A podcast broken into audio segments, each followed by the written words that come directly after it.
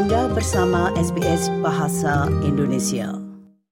Pendengar, para ahli biologi kelautan telah lama memperingatkan tentang tingginya kepadatan populasi binatang laut, berduri, pemakan karang di Great Barrier Reef.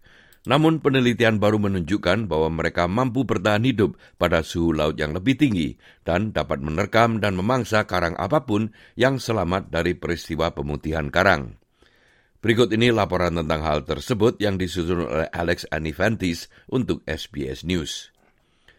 Populasi bintang laut mahkota duri kembali tumbuh subur di sepanjang Great Barrier Reef. Simon Dworjanin adalah profesor ekologi kelautan di Universitas Southern Cross. Uh, crown and starfish, they're actually natural uh, to the barrier reef and all through the Indo-Pacific. Uh, but what they do, they, they eat coral which is completely natural. But what's happened um, in modern times is we believe there's been more common outbreaks of crown of thorn starfish. And what they do is they can devastate uh, coral reefs because they eat the coral. And our concern and the thing that we don't know is why their numbers have increased in modern times. Seperti apa yang dikatakan Profesor Duarjanin, binatang laut ini memakan karang yang membentuk Great Barrier Reef. Christina Skinner adalah biologi kelautan dari Universitas Queensland. Ia menjelaskan pentingnya karang itu. We obviously value live coral as something that's quite important for the the reef, especially the Great Barrier Reef. Um, the live coral provides structure to a kind of home to loads of animals and loads of fish. And these starfish are very, very good at stripping away all of that coral very, very quickly, um, which then stops it from being able to grow back in time.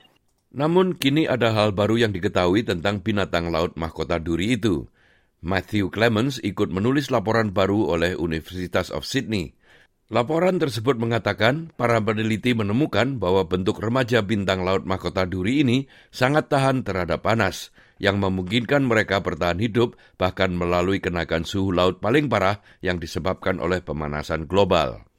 Generally for marine invertebrates, the the juvenile stage is usually um, less um, tolerant of uh, like changes in, in, in temperature. It's called like a, a, thermal window. They have a lower thermal window compared to the, the adults. Ia menjelaskan bagaimana para ahli biologi percaya bahwa bintang laut mahkota duri ini mampu meniru sifat tersebut. Ia menambahkan hal ini lahir dari karakteristik jenis bintang laut yang sangat berbeda. For some predatory sea stars, there's one in um, in European waters in the northern hemisphere called Martha-Sirius glacialis. And for these large predatory sea stars, um, they have a juvenile stage which seems to be able to alter their physiology to be able to remain in the juvenile stage. Dr. Dwarjanin mengatakan Meskipun tahap remaja bintang mahkota duri itu tidak memakan karang, ketahanan mereka terhadap panas masih menjadi ancaman yang signifikan. That juvenile phase when they're not eating coral, they're particularly resilient to heat.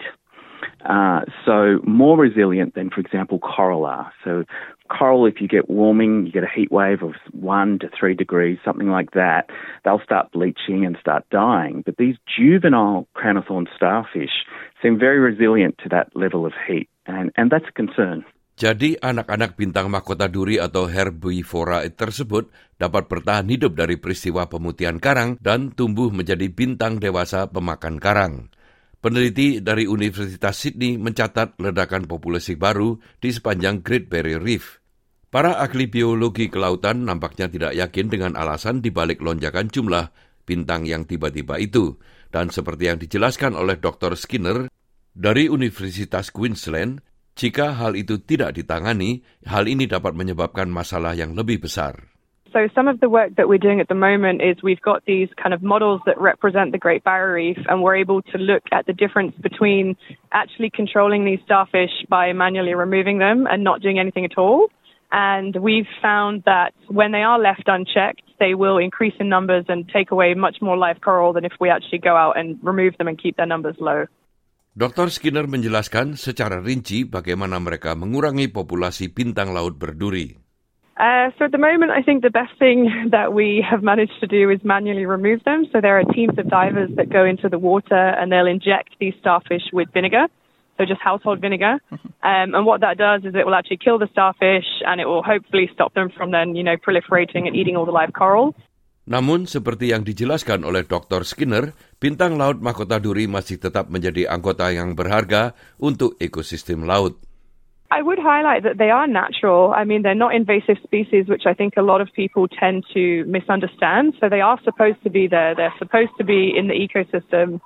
And they do play quite an important role just kind of keeping um, things in check, in equilibrium. So they tend to feed most on the fast branching, sorry, fast growing like branching coral, which is the Acropora.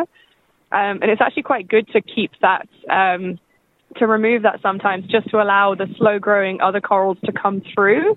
But the problem at the moment is that they're kind of becoming really high in number and having these outbreaks, which is obviously not what we would normally see. Demikianlah tadi sebuah laporan yang disusun oleh Alex Anifantis untuk SBS News dan disampaikan oleh Ricky Kusumo. Sukai, berbagi, komentar. Ikuti SBS program Bahasa Indonesia di Facebook.